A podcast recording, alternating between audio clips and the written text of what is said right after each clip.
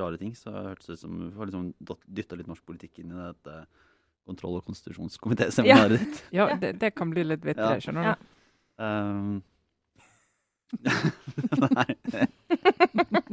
Vi er den type Den type program. Det gleder jeg meg skikkelig til.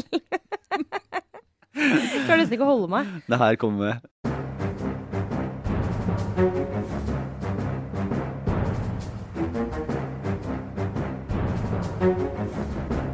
Eh, ja, men Da er vi i gang med en eh, ny eh, utgave av Aftenpodden. Uh, denne uken også. Uh, det er mye spennende i nyhetsbildet. Ikke så veldig mye politikk, men vi er på plass. Politisk redaktør Trine Eilertsen God dag. og kulturredaktør Sara Sørheim. Hallo. Jeg er Lars Glomnes. Altså, vi må bare si det. Vi kommer ikke utenom Therese Johaug. Nei. Og vi kommer ikke utenom Donald Trump. Nei. Eh, og så har vi et, noen par ting til som kanskje nærmer seg norsk politikk kommer- litt, grann, men ikke så veldig mye. Nei, men vi kommer heller ikke utenom verdens største nålevende kunstner. Faktisk Oi. ikke. Det er såpass. Det lukter kontroverser. Det gjør det, men, men først av alt så jeg, Altså, nå famler jeg helt sånn på ekte. Fordi gårsdagen var et sånt nyhetsdøgn eh, som eh, for meg var helt ute av alle dimensjoner. Jeg prøvde meg på en sammenligning eh, i går som jeg ikke skal dra på lufta, med hvor stort dette var. For jeg innser jo at for alle mennesker i hele verden så er ikke norsk langrenn det viktigste som fins. Mm. Men fader ullan! Therese Johaug jo tatt i doping. Den, jeg, nei, jeg er fortsatt i sjokk. Ja, du kan si, Jeg var jo jobba på dagen og satt som, som nyhetssjef. og det kom en, Omtrent en time før det ble klart, så kom uh, sporten inn da, og sa det at um, vi tror at Therese Johaug er tatt i doping. Det, det er sånn ja. Hvor var du da det gjorde det? Så jobbet vi jo på da for å få dette, for dette bekrefta. Og, og vi kom ikke helt i mål med å kunne skrive det. For er det én ting du ikke skriver uten å være fullstendig 100 eh, sikker, så er det at eh, Norges eh, fremste nasjonalskatt er, er tatt for juks og fanteri. Ja, det er sånn du skriver, det er sånn type lista på ting du ikke skriver før du er innmari sikker. Det er sånn kongen er død, det er krig, og så Therese Johaug tatt i doping. Ja, og de tre er omtrent sidestilte, vil Ja, jeg si. Det vil jeg si. da det, du må, da må du virkelig ha bekreftet fra mer enn én kilde. Det er som pallen på eh, tremila da Frode Estil og, og Hjelmseth og Anders Aukland gikk likt over målstreken. Eh, I Når var det, Lars? Det, det, det, Nei, det Sara, tok du er vi- selv, selv, selv meg som gammel sportsjournalist eh, får uh, sleit litt med den eh, der. Men, eh, men, men eh, det er jo eh, Hva skal jeg si, det har jo sjelden vært et så liksom, følelseslada show som eh, da Johaug da også stilte på pressekonferanse og fortalte Ja. om dette. Ja, fordi eh, Jeg bare forter meg å si hvordan jeg opplevde dette, før Trine kommer og ødelegger. Fordi eh, vi var, hadde faktisk ledermøte i Aftenposten, og det var to, to representanter på det møtet som ikke jobber i pressen. Og jeg tror ikke de skjønte så veldig mye da dette ganske alvorlige møtet bare ble avbrutt, og fordi nyhetsredaktøren ropte ut. Eh, Therese Johaug tatt i doping, hvorpå sjefredaktør bare avbrøt møtet. Kommanderte henne til å få dette opp på storskjermen på møterommet, og alle bare gikk inn i sånn deskmodus. desk-modus.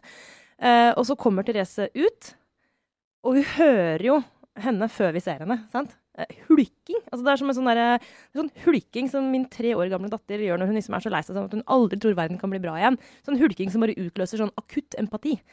Og så kommer hun på, eh, hos noen. Så kommer hun ut på podiet, og så begynner hun å snakke, og så er hun så jævlig forbanna og lei seg.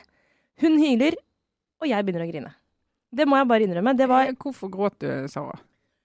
Jeg syns så utrolig synd på henne, rett og slett. Fordi altså, eh, idrettsutøvere de er moderne slaver. De går på kontrakter som er helt sjuke. Blant annet så er da de som går på I, i, i, unnskyld, I motsetning til slaver så har de jo en bitte liten inntekt. eh, Ja, de akkurat frivillig. det. Eh, kanskje to momenter som skiller dem litt fra slaver. Jeg skal, jeg skal, gi, dere, jeg skal gi dere dem. Men, men det, det de har felles, da, for hele byen der, de har, de har litt streng arbeidskontrakt. Og i, i eh, kontrakten til landslagsutøverne så står det at de er forplikta til å gjøre som legen sier. Altså De har ikke lov til eh, å si nei hvis legen sier 'smør eh, denne ukjente kremen på leppa di'. Eh, og jeg skjønner faktisk at når hun da har spurt legen om det er greit, og fått ja, og så blir tatt i doping, og hele hennes karriere Altså det mest sannsynlige utfallet av dette er jo at hun er, utestengt i to år. Faktisk. Altså hun, hun kommer ikke til å gå fri fra dette her. Det er jo å rasere det er som, det er, altså For henne er jo det at livet faller i grus. Da hadde jeg også blitt forbanna. Men det er jo ikke alle som, som smelter fullstendig. Nei, altså Jeg skjønner altså hennes opplevelse av det, at hun mista sin karriere. Det var, den, var, den, den tror jeg på at er ekte. Eh, og jeg tror reaksjonen er ekte òg. Men maken til overreaksjon og hysterisk reaksjon jeg, ble nesten, jeg ble helt nervøs av å se på det. Jeg tenkte nå må du roe deg ned. Og det ene er jo at hun reagerer jo med en voldsomt engasjement fordi det handler om Therese Johaug sin karriere og troverdighet. Og det gjør det jo. Men at hun klarer altså å henge ut og henge opp på veggen denne landslagslegen som har gjort en feil. Altså Nå legger jeg til grunn at vi tror på denne historien. Det er ikke gitt at den er sann. Det må vi faktisk Ja, det ettergå. Mm. Det må vi ettergå. Det er journalistisk plikt og oppgave. Men la oss si vi tror på historien. Eh, Så har legen gjort en feil. Han sitter og gjør rede for det. Han tar det hele og fulle ansvar, i betydningen han tar på seg skylden for det, og går av. Ja, det skulle jo bare Og- mangle. Ja, og, ja, absolutt. Og da sitter hun der og klarer ikke engang å være et så modent menneske at hun klarer å si det har skjedd en feil, han har gjort en feil, en lege som jeg har hatt et godt samarbeid med. Bare si noe fint om han. Og det er en lege jeg har jobbet med lenge. Eh, Vi har hatt, jeg har hatt stor tillit til han, og det har det vært god grunn til. Denne gangen gikk det galt, det har gått ut av meg. Altså, hun, hun, hun er helt ute av kontroll. Jo, Og da tenker jeg at da er du så selvopptatt at det er helt det er grenseløst. Det er, det, er, det er på et nivå som gjør at jeg blir litt sånn nervøs av å se på det. Det må jeg si. Jeg synes var, han, Hun levner han ingen ære. Hun henger han opp på veggen og er så opptatt av at absolutt all skyld skal ligge der, noe han allerede har tatt på seg.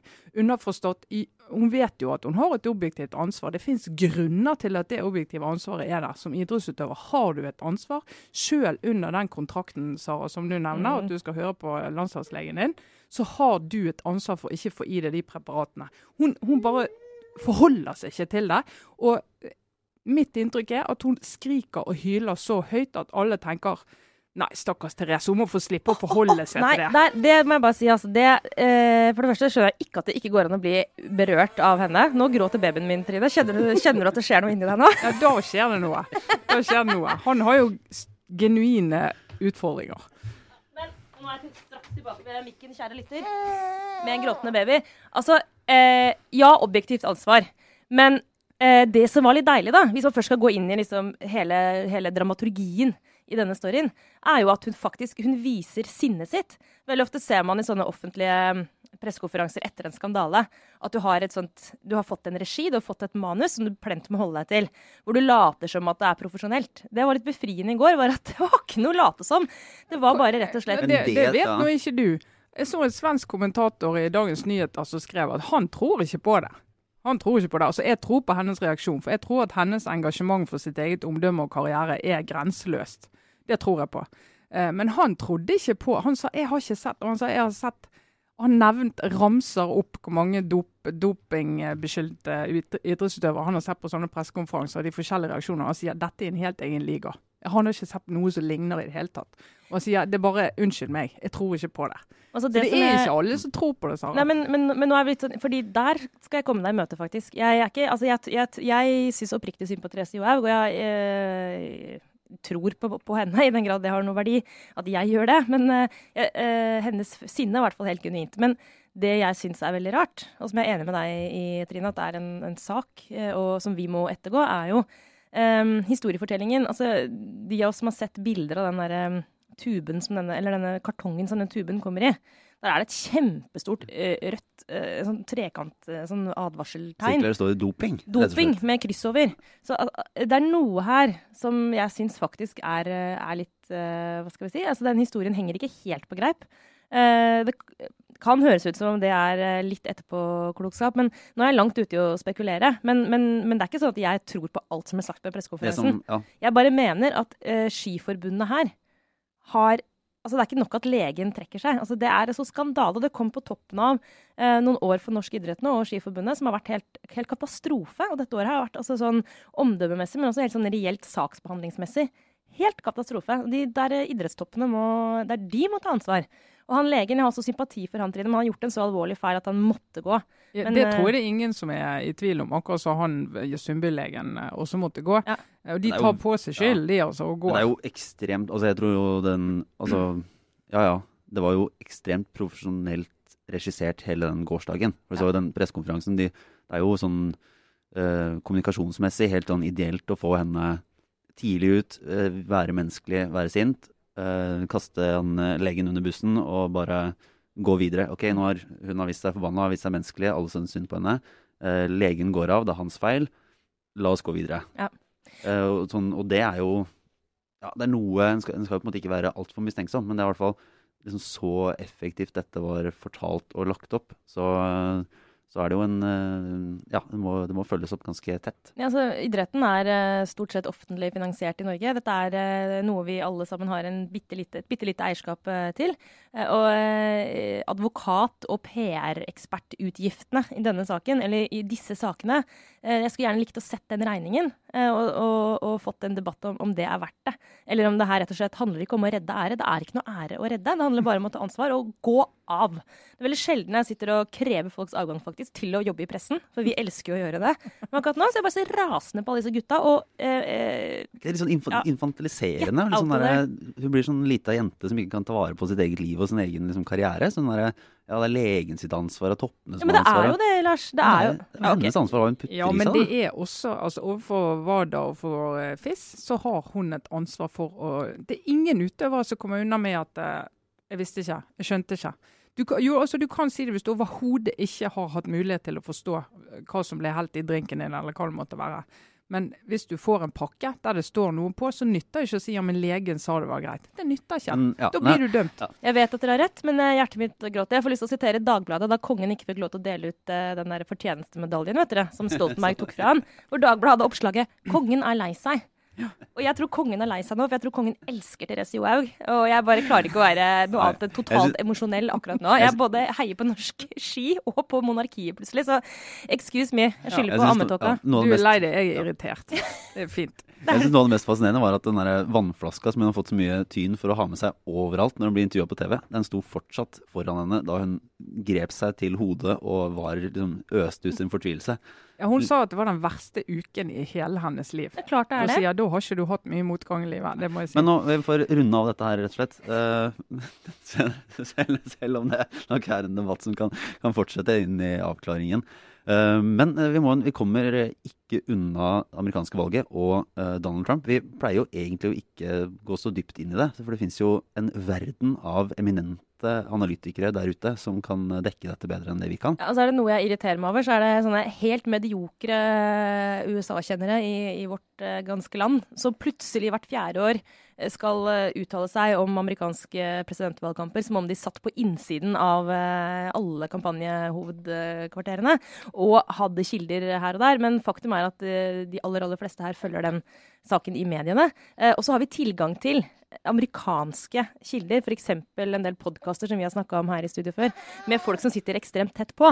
Så det å late som at vi har spesielt god innsikt i den amerikanske valgkampen, det, det er like greit å la være. Ja. Men, mm. men så kommer det da likevel eh, hendelser hvor, som er sånn tidsskillehendelser, hvor du rett og slett ikke kan la være å, å bli engasjert, og som er interessante å diskutere uansett, fordi det forandrer også eh, vår verden. Eh, forskjellen på en Trump og en Clinton nå i Det hvite hus, f.eks., den, den, er, eh, den er stor for alle. Den er stor globalt. Og så er det jo en, et, en, en, sånn, en, et narrativ som er bare helt utrolig. Altså hvordan, hvordan det nå kommer i sånn et gammelt uh, klipp uh, som viser uh, en potensielt ekte Donald Trump. eh, og som bare snur og som virkelig raserer ting. Og man ser dette gående i sånn nesten sakte film, hvordan en kampanje tilsynelatende faller fra hverandre, og et parti deles i to. og Mm. Eh, jeg syns det er litt fascinerende hvordan Donald Trump etter å ha vist for hele verden egentlig en eh, på en måte nasjonalisme, til dels eh, rasisme, og i hvert fall en del sånn en, en eh, fremmedfiendtlighet og en ganske sånn hatsk innstilling, så er det likevel et sånn gammelt klipp om, som viser at han er en mannsgris. Mm. Og potensielt en overgriper, da. Men, men likevel, er en, en, jeg tror ikke det er den øverst på lista over Donald Trumps synder, egentlig. Men det er det som tilsynelatende er er spikeren i kista. altså det er en mann som flere har ytret bekymring over at skal få kontroll over eh, den røde knappen og, og svære styrker og militære virkemidler og liksom virkelig seriøse problemstillinger da, som ikke har skremt noen av velgerne hans overhodet. Uh, og heller ikke kanskje har påvirket tvilerne så mye. Men denne saken her uh, har jo da, ser det ut til i hvert fall, har uh, dyttet tvilerne over i Hillary Clintons favn. Og ødelagt det han har bygget opp blant de særlig konservative kristne, da, som sier det er greit, du må nå gjerne true med å utrydde verden og meksikanere og hva det måtte være. Det får så være. Vi er ikke så hakkende gale. Og klimaendringer, det tror ikke vi heller på. Men gå og tafse på gifte kvinner og det, det, det. Ja, og jeg lurer på om Det ikke det var det med, det med gifte kvinner som kanskje var spikeren i kista. For det Men det eh, ikke var den 'grab them by the pussy' som var eh, Nå, nå en spekulerer jeg vilt. gift, en gift mann som uh, groper, som er liksom uttrykket vi har vært, blitt kjent med denne uken, uh, en, uh, eller i hvert fall snakker om å gjøre det med en gift kvinne. Mhm. Det er jo Det går, det går ikke. Altså, tenk hvor mange presidentkandidater, eller mulige potensielle kandidater, som har forsvunnet ut av amerikanske valgkamp, valgkamper pga. sånne ting. Altså, det er jo ikke så mye sånn økonomisk tøys, men det er kvinner, sex, utroskap. Det er det som på en måte har vippet de ut tidligere også. Men det er veldig, det er ganske rart å tenke på at, det, altså det, at vi har jo jevnlig på Aftenposten-desken diskusjoner om sånn Kan vi sette dette ordet på trykk? Kan vi bruke dette sitatet, eller er dette ordet for stygt? Sånn at vi må faktisk må sensurere det. Det skjer jo rett som det er, men det tror jeg aldri før det har skjedd med uttalelser fra en presidentkandidat. Nei. At vi måtte ha den diskusjonen sånn Kan vi faktisk sette den norske versjonen av ordet 'pussy' på trykk på fronten vår? Hm, det var jo litt for delte meninger om det. Men, men det sier jo noe om eh, det absurde nivået på denne valgkampen.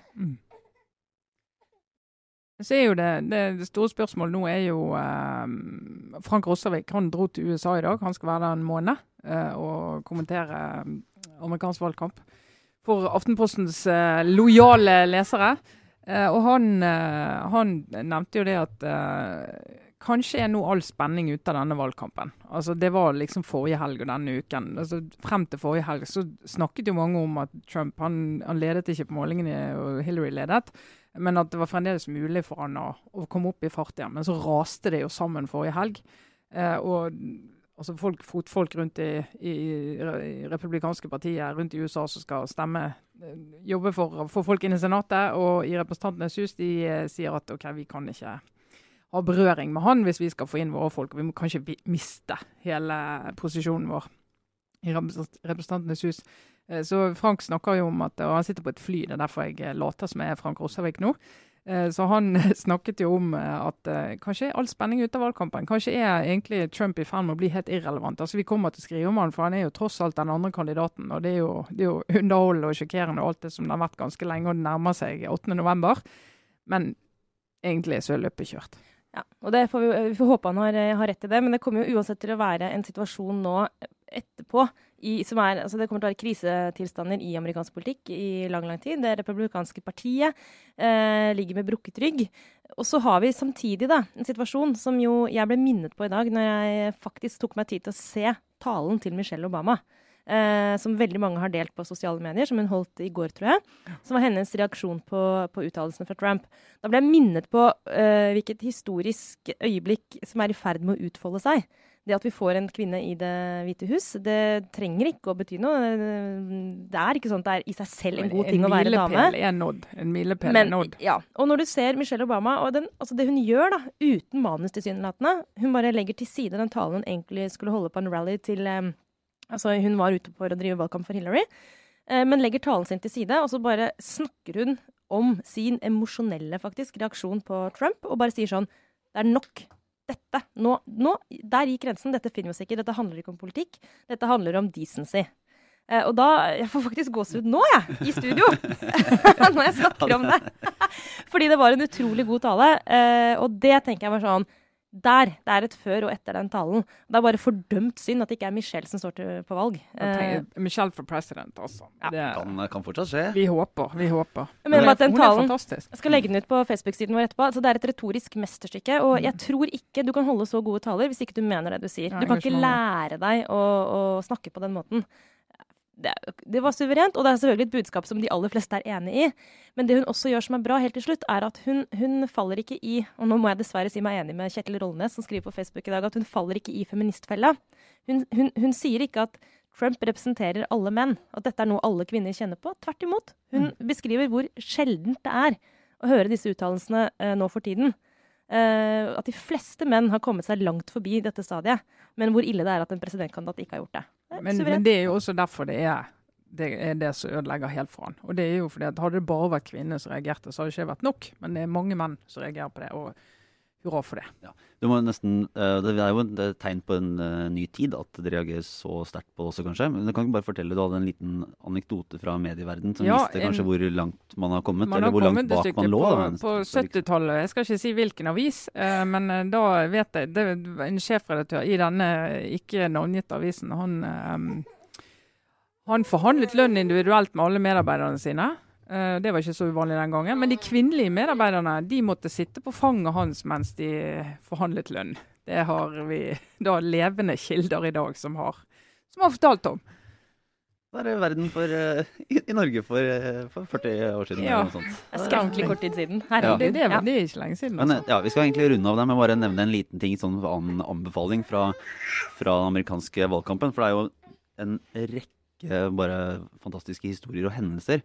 Og dette brevet som eh, altså var et svar til Trump fra New York Times etter at eh, Trumps advokater hadde anklaget dem for eh, å truet med et injuriesøksmål i forbindelse med to kvinner som sto fram og fortalte om, eh, om trakassering.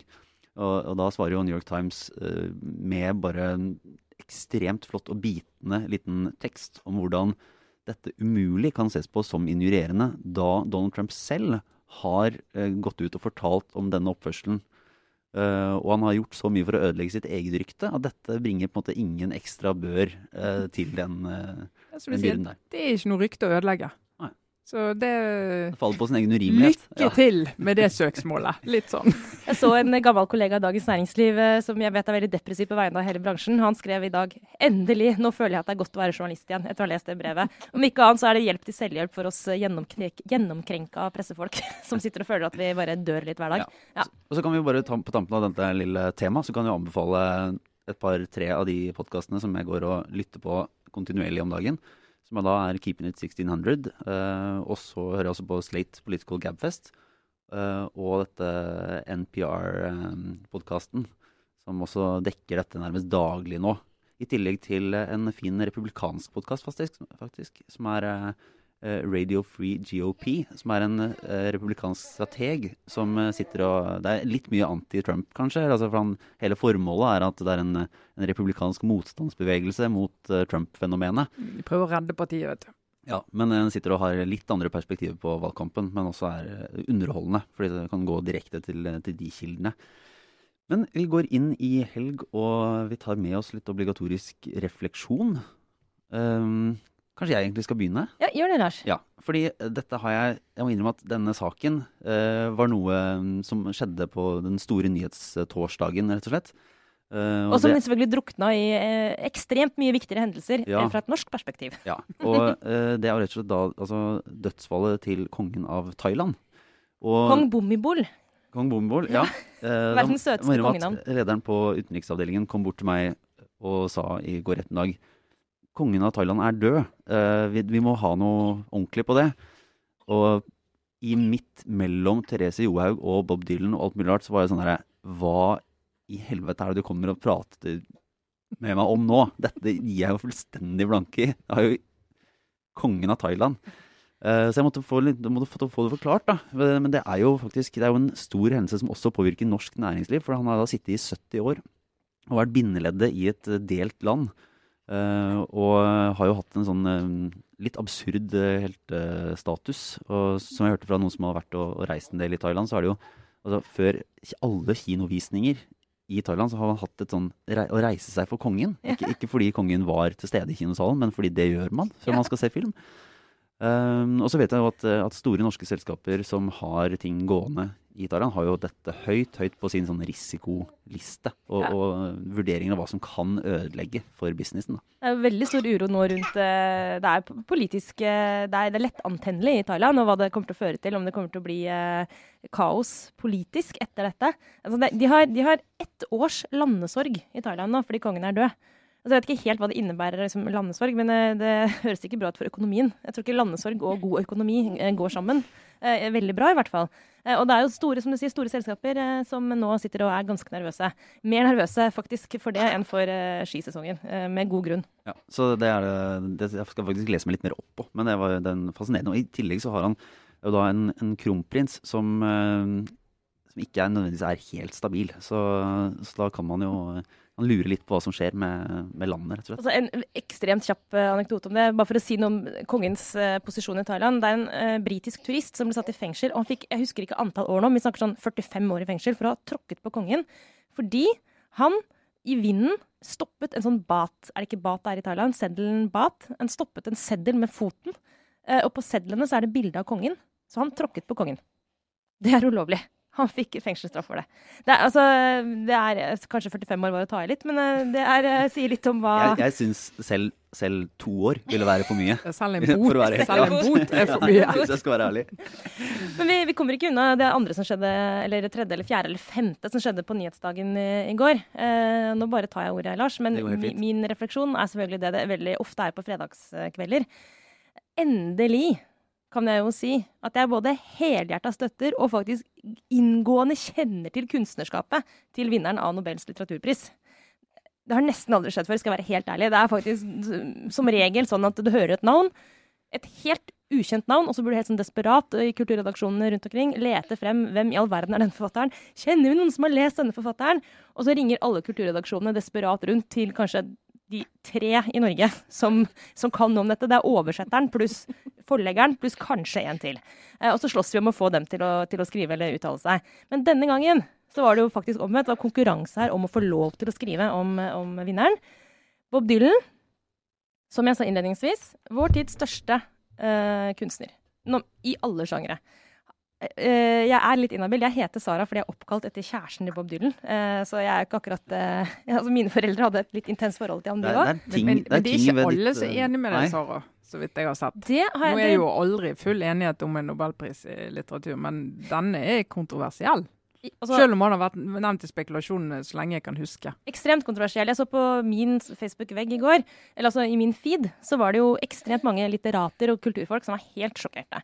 Altså, de var rett og slett, de var, bare, de var faktisk nesten De hylte ikke like høyt som Johaug, men det var en sånn grad av forbannelse og fortvilelse over deler av kulturverdenen i går som nesten kunne minne om det. Altså, dette er rasering av nobelprisen, sant. Den høyest hengende prisen.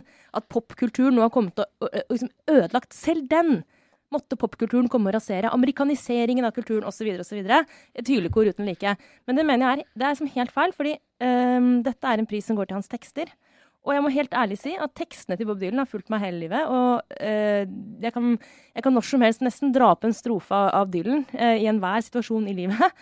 Uh, og det beste med han er at han rett og slett skriver så eh, ikke vanskelig å forstå, men han skriver så doble tekster at du kan egentlig legge hva du vil i dem på egen hånd. Så, så sånn sett så er han en ganske fin eh, poet. Men, eh, men, han har også noen bitende ironiske, ganske jævlige tekster, bl.a. retta mot sin ekskone Sara. Som, eh, hvis man går gjennom et samlivsbrudd, f.eks., er en ren lise for sjelen. Så jeg må bare dette, Han er en stor poet og utrolig fortjent pris. Ja, jeg, har ikke så nært eh, forhold til kunstneren Bob Dylan, men det som jeg kan reklamere for, som han drev med i noen år, det var jo å lage radio, eller noe som ligner på podkast.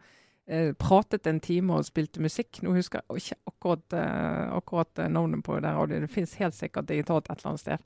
Men da sitter altså Bob Dylan med betraktninger og analyser og ja, morsomt å høre på. Og så, Da får jo du uh, komme inn her nå, Trine, og levere, levere, på det som uh, i forkant av denne podkasten var sett på som, uh, som toppen. ja. gi, oss et, gi, oss litt norsk politikk og, og byråkrati. Ja, for dette er min refleksjon, og burde være obligatorisk refleksjon for alle politikere og, og byråkrater, og til og med oss journalister. Jeg var på seminar i går, var så heldig at jeg fikk lov å lede en samtale på et seminar i går som het Kontroll- og konstitusjonskomiteen, tankestrek effekter for embetsverket. ja.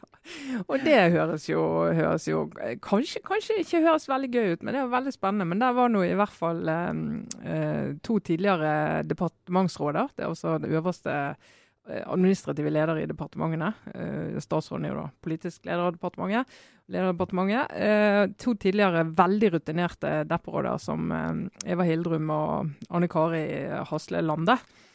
Eh, Var det de hadde noen sånn titalls av statsråder mellom ja, seg? Ja, hun eh, siste har jo da vært eh, deppråd for 35 statsråder eh, opp gjennom tidene.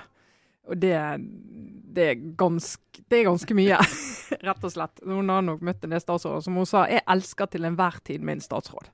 Alltid. de, dette er jo sånne stødige byråkratdamer som virkelig jobber for, uh, for, god saksbehandling, for et skikkelig byråkrati, for at liksom skal ikke være noe tull noe sted. Og de har altså et så dårlig forhold til kontroll- og konstitusjonskomiteen. Så de mener altså kort oppsummert, setter i gang en haug med arbeid i departementene som er helt uten betydning og ikke bringer samfunnet vårt fremover i noen retning. Bare armer og bein og finne detaljer som ikke betyr noen ting. Eh, og at de eh, tidvis eh, altså de stiller spørsmål på en måte som ikke opplyser sakene overhodet. Og at de begynte å gå etter embetsverket i altfor stor grad. Det er ikke lenger sånn at komiteen kjenner bare statsråden. Statsråden har begynt å gå etter folk på lavere nivå, og det mener de setter de i en helt umulig situasjon. Det er interessant, for det er en sånn utglidning, kan man kanskje kalle det, av noen konstitusjonelle regler. altså noen måter vi gjør ting på som egentlig skal ligge fast. Ja, men, men som er sånn umerkelig at det bare det sklir ut, og plutselig så har det blitt en ny normal. uten det, at noen har bestemt det. Men det som var interessant, da, var jo at Fredrik Sejersted, eh, nå regjeringsadvokat, eh, tidligere professor, eh, jusprofessor på, på Blindern, og som skrev doktorgrad om kontrollkomiteen, over med i Frøyland-utvalget, som lagde de nye regler for kontroll- og konstitusjonskomiteen som kom i 2002. Han fortalte jo at nei, dette er ikke nytt. Dette går i bølger. Eh, og Petter Thomassen og Tom Thoresen, henholdsvis Høyre og Ap på midten av 90-tallet, da var det Høyre som var Han sa da var Petter Thomassen var, var Martin Kolberg, og Tom Thoresen var Tetzschner. Altså, de var akkurat like mye tottene på hverandre den gangen i komiteen som de er nå. Det var rundt Lund-kommisjonen og masse som skjedde i komiteen den gangen, og embetsfolk ble kalt inn. og mye greier. Eh, så han sier dette går i bølger. Eh, og han forsvarer komiteen og sier at de er ikke blitt noe verre til å ta inn eh, embetsfolk enn de var før. og Det er omtrent på samme nivå. Men, sa han, to store ting har skjedd. 22.07. Høringene var helt spesielle, men det sier han, det tror jeg alle aksepterer. At det var en problemstilling som var helt spesiell. Og det tror jeg egentlig de, de byråkratene òg aksepterer. Eh, men Telenor-saken, mener han, der gikk komiteen over alle støvleskaft og helt utover alle grenser. Og de begynte å intervjue folk inne i selskapene med ønske om å opplyse statsrådens rolle, mens han sa de mistet jo helt av syne hva de holdt på med. og veldig sånn jevnt over knallhard kritikk av, av, de høringene, selv den første. da. Så det var interessant. altså, Vi snakket liksom om dette, dette samarbeidet må jo forbedres. for Nå har du begynt å få en sånn diskusjon om du skal endre en del av rettighetene til komiteen. sant? Men dette var et seminar du var på i går? Et seminar var på i går. Satt altså, hvilke... 200 byråkrater eh, fra departementene i salen og, og, hørte på dette. Og engasjementet i departementet det var stim brakke, det var venteliste. Eh, de er kjempeengasjert i denne problemstillingen. Så det bare sier folk, la dere engasjere. Ja, men altså, faktisk så tenker jeg at det, det den lille klubben med, som ikke er så liten likevel, den er sjokkerende stor, eh, er jo eh, ofte de som har de mest presise beskrivelsene av, eh, av, hvordan det norske samfunnet fungerer til enhver tid. Embetsverket. De som ikke skal snakke, de som skal virke, ikke synes. Det er utrolig viktig at journalister lytter til dem. Det gjør vi altfor lite. Bortsett fra Trine, selvfølgelig, som heller går på et seminar om kontroll- og konstitusjonskomiteen enn å gå på fest. Eller det er kanskje fest for deg? Det var, det, var, det var, ingen der som snakket om Therese Johaug, det kan jeg i hvert fall si. Vi lever i parallelle universer noen ganger, Trine, men det, det er helt greit for meg. Uh, og det var vel egentlig det for denne uka, var det ikke det? Vi ja. går videre i møter og helg og arbeidsliv. Og Lypsylgate vil nok fortsette. Lypsylgate fortsetter, ja. uh, rett og slett. Jeg skal bearbeide sorgen med å høre på Blood on the Tracks, den beste Bob Dylan-plata. Uh, det er det mange som er uenig i, men de tar feil. Og det skal jeg bruke ganske mye tid på å argumentere for i helgen, at eh, den troner øverst på lista. Og da takker vi vel for oss, eh, Trine Eilertsen, Sara Sørheim, jeg, Lars Glomnes. Ha det bra.